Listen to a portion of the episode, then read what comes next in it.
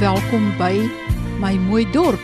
Die program waar ons vir Suid-Afrikaners wil help om van hulle dorpe weer modeldorpe te maak deur die kennis en inligting wat ons deel in hierdie program en ook om van gemeenskappe weer floreerende gemeenskappe te maak.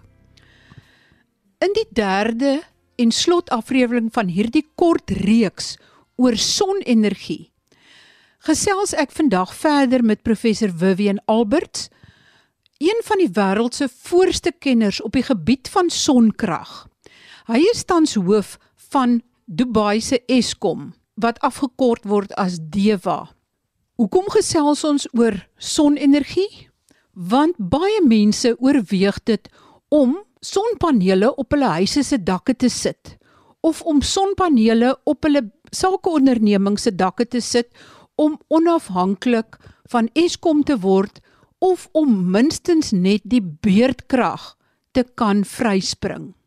Maar in hierdie kort reeks het ons nou gehoor dat as Suid-Afrika nie aandag gee om moderne sonplase wat 1 of meer gigawatt kan opwek om die land te beskerm nie net teen beerdkrag nie, maar ook om goedkoper energie op te wek as wat Eskom tans kan verskaf. Sal ons nie ekonomies mededingend kan bly in vergelyking met ander lande in die wêreld nie. In die tweede episode het ons gehoor waarom daar nou groot sonaanlegte in Mauritius gebou word en nie in Suid-Afrika nie en die hoofrede is basies Suid-Afrika se regulasies wat nie voorsiening maak vir die ontwikkeling van groot sonplase nie.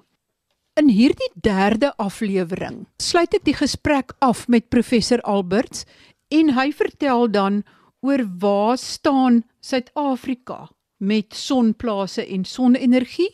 En dan sal ek net afsluit met 'n laaste boodskap wat hy aan my gestuur het oor hoe moet iemand besluit as hy nou sonpanele op sy dak moet sit aan watter vereistes moet daai sonpanele voldoen? Dan stel ek julle voor aan Paul Hofman. Hy is verbonde aan die Wes-Kaapse regering Anders as in baie ander provinsies, help die Weskaap met sekere ekonomiese ontwikkelingsprojekte in dorpe. So almal wat in Weskaap in dorpe woon, spit julle ore, want hier is dalk 'n manier om julle dorpe aan die gang te kry. Ek gee nou eers aandag aan sonkrag en sit my gesprek met professor Vivian Alberts voort. Die sonplase wat wel in Suid-Afrika is, hoe tegnologies gevorderd is dit? Dis eerste generasie, 5 jaar gelede ongeveer, 3 jaar gelede se tegnologie. Ek het al van die sonplase besoek. Ek het die voorreg gehad om dit te gaan besoek, so ek dink so 4, 5 jaar gelede. Kyk, op 'n of ander dag maar hier praat mense van die sogenaamde localized cost of electricity. Of jy kyk na 'n sonplaas of 'n steenkoolkragsentrale of 'n kernkragsentrale, jy kyk na die totale kapitaal wat geïnvesteer word om so 'n kragsentrale te bou, die operasionele koste oor sy lewensduur en wat kos dit om hom te onderhou. Die localized cost of electricity van sonplase, die moderne aanlegte of sonplase wat in Dubai is byvoorbeeld, is teen 2 dollar sents per kilowattuur wat geweldig goedkoop is. Ek dink die wat in Suid-Afrika is is baie hoër en selfs duurder as Eskom nog. En dis waar die probleem lê. So daar moet nou nuwe sonplase gebou word. Dit moet ontwikkel word. Nie net 100 megawatt nie, maar waarskynlik gigawatts van sonplase met die nuutste tegnologie. Die tipe tegnologie wat 'n mens nou kan vervaardig en kan ontwikkel, wat is byvoorbeeld in Dubai doen, Diva doen, tegnologie wat ontwikkel word spesifiek vir die klimaat van Afrika.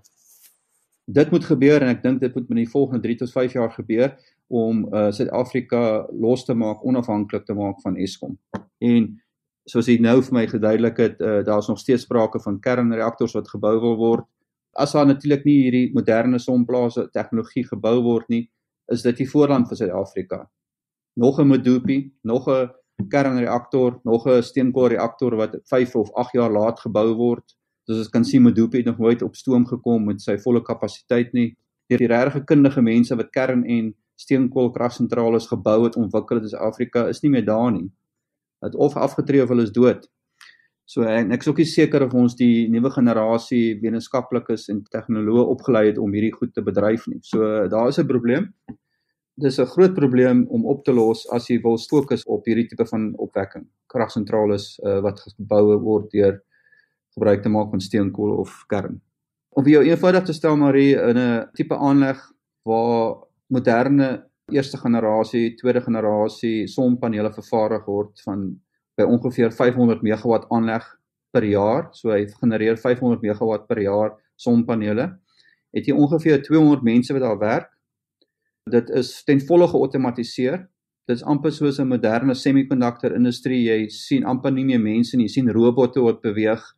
Dis hoë vlak tegnologie. Dit is geweldig akkuraat, goed ontwerp deur uh, Duitse ingenieurs dit verg baie min onderhoud. En sodra jy 'n span van 100 of 200 mense opgelei het en dit doen jy binne 3 maande bou jy so aanleg binne 18 maande en dis wat mense nie verstaan van die verskil tussen kern steenkool en PV nie. So jy kan binne 12 maande 15 maande soos in Mauritius as jy 'n kontrak te teken kan jy binne 15 maande begin produksie doen. Jou mense is binne 'n jaar opgelei jy kan tegnologie oordrag doen hoë vlak tegnologie en ek kan dit nie verstaan dat dit nie op groot skaal uitgerol word in Afrika alreeds sien dit skep werk dit skep kundigheid dit gee vir jou 'n vermoë om te kan uitvoer. Dit tik eintlik al die bokse wat 'n mens behoort te hê in enige land wat ernstig kyk na tegnologieontwikkeling uh, werkskepping. En natuurlik een van die belangrike woord volhoubaarheid sustainability daar is niks wat kan kompeteer met die ontwikkeling van sonne-energie nie. As ek 20 jaar gelede gesê het, sê ek dit nou vandag met 10 keer meer oorgawe en oortuiging as 20 jaar terug.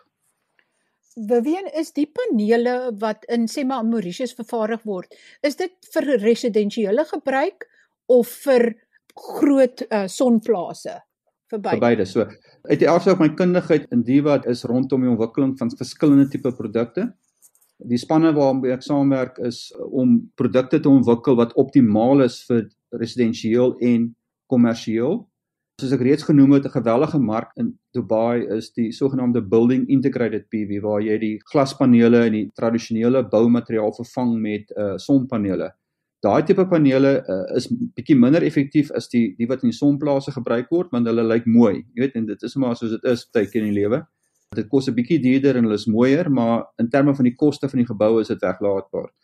So, dit is 'n sekere produk en dan die wat in die sonplase gebruik word, word ontwikkel om hoë effektief te wees, baie stabiel, so hulle word op 'n verskillende manier verpak. Die sogenaamde laminering, die kontakte, die aluminiumrame wat omgesit word, dit word op 'n ander manier gedoen om seker te maak dat hulle die werklike harde kondisies kan weerstaan in 'n sonplaas omgewing soos in Engelsman maar sê horses for courses, jy weet so dis belangrik om die tegnologie te verstaan en die tegnologie te ontwikkel vir verskillende toepassings. Die wat in Mauritius vervaardig word, gaan basies twee klasse van produkte wees. Die wat rek en sonplase gebruik kan word en die wat in geboue geïntegreer kan word. Wie net om af te sluit, as jy 'n uh, finale boodskap in 'n neutedop wil gee, eerstens vir die regering en tweedens vir doodgewone mense in 'n gemeenskap wat besluite moet neem oor hoe hulle dalk van die netwerk kan afkom. Wat sal daai twee kortkragtige boodskappe wees wat jy graag sal wil oordra? By einde van die dag is die keuse wat die mense het rondom energie en die gebruik van energie word absoluut bepaal deur die regering. Dit is baie moeilik om te dink dat 'n uh, privaat individue beleggers wil eie gaan probeer om die situasie in Suid-Afrika te verander. Die boodskap wat ek het aan uh, besluitnemers in Suid-Afrika rondom energie, ek, ek dink Marie om eerlik te wees en om dan nou ook nou billik te wees, uh, daar is mense in die regering wat verstaan hoe belangrik dit is om skoon energie te ontwikkel. Ek dink die woord sustainability uh, word baie gebruik deesdae in selfs in regeringskringe. Ek dink net dit is baie belangrik dat die regering nou die daad by die woord voeg uh, is baie belangrik dat die regering miskien uh, so 'n paar miljoen rand vat en 'n werklike ondersoek gaan doen na tegnologie wat beskikbaar is in sonne-energie en uh begin om met uh, industrie te gesels. Hulle uh, moet sal moet begin met industrie te gesels en baie weier as Eskom kyk om hierdie goed te, te kommersialiseer. As ons hierdie tegnologie nie binne die volgende 3 tot 5 jaar in Suid-Afrika begin kommersialiseer nie, sal ons dit nooit op groot skaal kan toepas nie. Ek bly by wat ek gesê het jare gelede.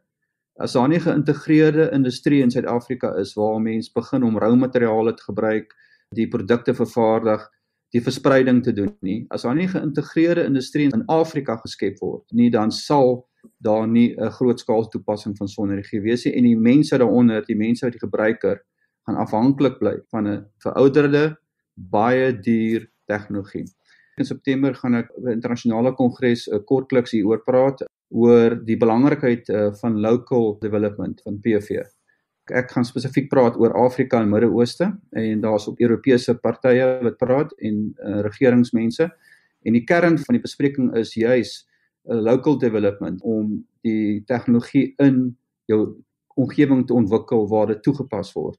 En nie in te voer nie want as jy dit gaan invoer gaan dit nooit regtig uh, lewensvatbaar in Suid-Afrika toegepas word nie. Beween as die regering op jou nommer druk en jou vir hulp vra of raad vra, sal jy bereid wees om te help? Ek werk op die oomblik vir die Dubai regering. In die posisie wat ek spesifiek het, ehm uh, het ek uh, verskeie confidentiality agreements geteken. So as 'n individu kan ek nie direk net inligting uitgee of raad gee nie vir ander regering of ander industrieë nie. Maar wat ek wel kan doen is ek kan uit my posisie wat ek het by Diva op regeringsvlak uh, met die regering van Suid-Afrika werk of enige Afrika regering wat sou belangstel om hierdie nuwe tegnologie te ontwikkel in hulle lande. So om jou eenvoudig te antwoord ja, uh, ek is altyd bereidwillig om 'n bydrae te lewer en veral tot my eie land waar ek groot geword het en waar ek nog steeds 'n burger is. Die, situasie is nie meer eenvoudig vir my nie, maar ek is doodseker op regering tot regering basis kan kan daar 'n plan gemaak word. Baie dankie Vivian. Groot plesier Marie, baie dankie vir die tyd ook van jou kant af. Hierdie gesprek oor sonkrag sluit eintlik baie goed aan met wat volgende week gaan gebeur en dit is dat die Climate Justice Coalition beplan 'n landwyse betoging teen die regering se voortgesette planne met steenkool en kernkrag en om te propageer vir skoon energie. Dit het ook nou in die lig gekom dat al hoe meer banke en ander groot finansieringsinstellings nie meer bereid is om enige ontwikkelings in kernkrag en in steenkoolkrag te finansier nie. En wat is professor Albert se laaste boodskap? Ek lees vinnig voor wat hy aan my gestuur het. Die beskikbaarheid van die nuutste tegnologie in Suid-Afrika sal bepaal word deur die land se vermoë om lokale kundigheid te ontwikkel en om lewensvatbare industrieë te vestig. Dit is nie onmoontlik nie, maar die huidige regeringsbeleid sal drasties aangepas moet word om die ontwikkeling in groen tegnologie te stimuleer. Vir huishoudelike toepassings, dit is die sonpanele op jou dak, moet jy navors wat in die mark beskikbaar is omskakelingseffektiwiteit moet bo 20% wees met waarborge tussen 20 en 25 jaar. Dus omskakelingsdoeltreffendheid bo 20%, waarborge tussen 20 en 25 jaar. En besef dan net dat hierdie sal jou help om beurtkrag te bowe te kom, maar dit sal nie noodwendig die nuutste tegnologie wees om goedkoper sonkrag te lewer as wat Eskom krag is.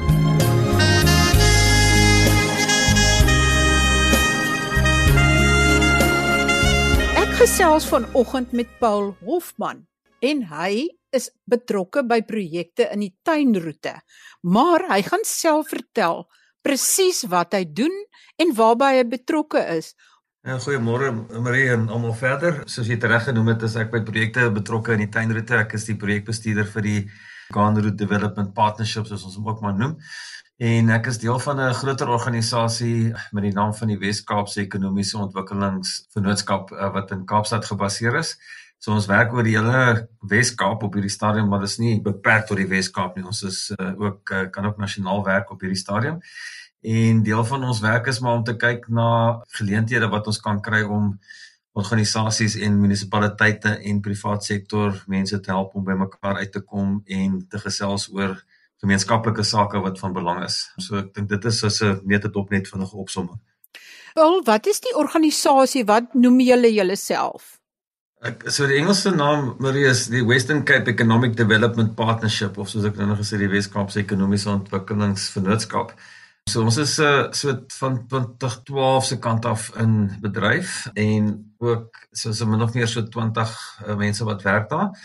Ja, so dit is deel van die kom ek sê die groter Wes-Kaapse ekonomiese ontwikkelingsgroep. Ehm um, so ons word befonds deur die Wes-Kaap regering onder andere en natuurlik ook maar as daar projekte aan die gang is kom die befondsing ook maar van projekte self af en in my geval hier in die tuinroete is daar ook munisipaliteite wat 'n bydrae lewer um, tot die pakkies. Ons werk met beide die provinsiale regering en ook die distrik en natuurlik plaaslike munisipaliteite in ons omgewing.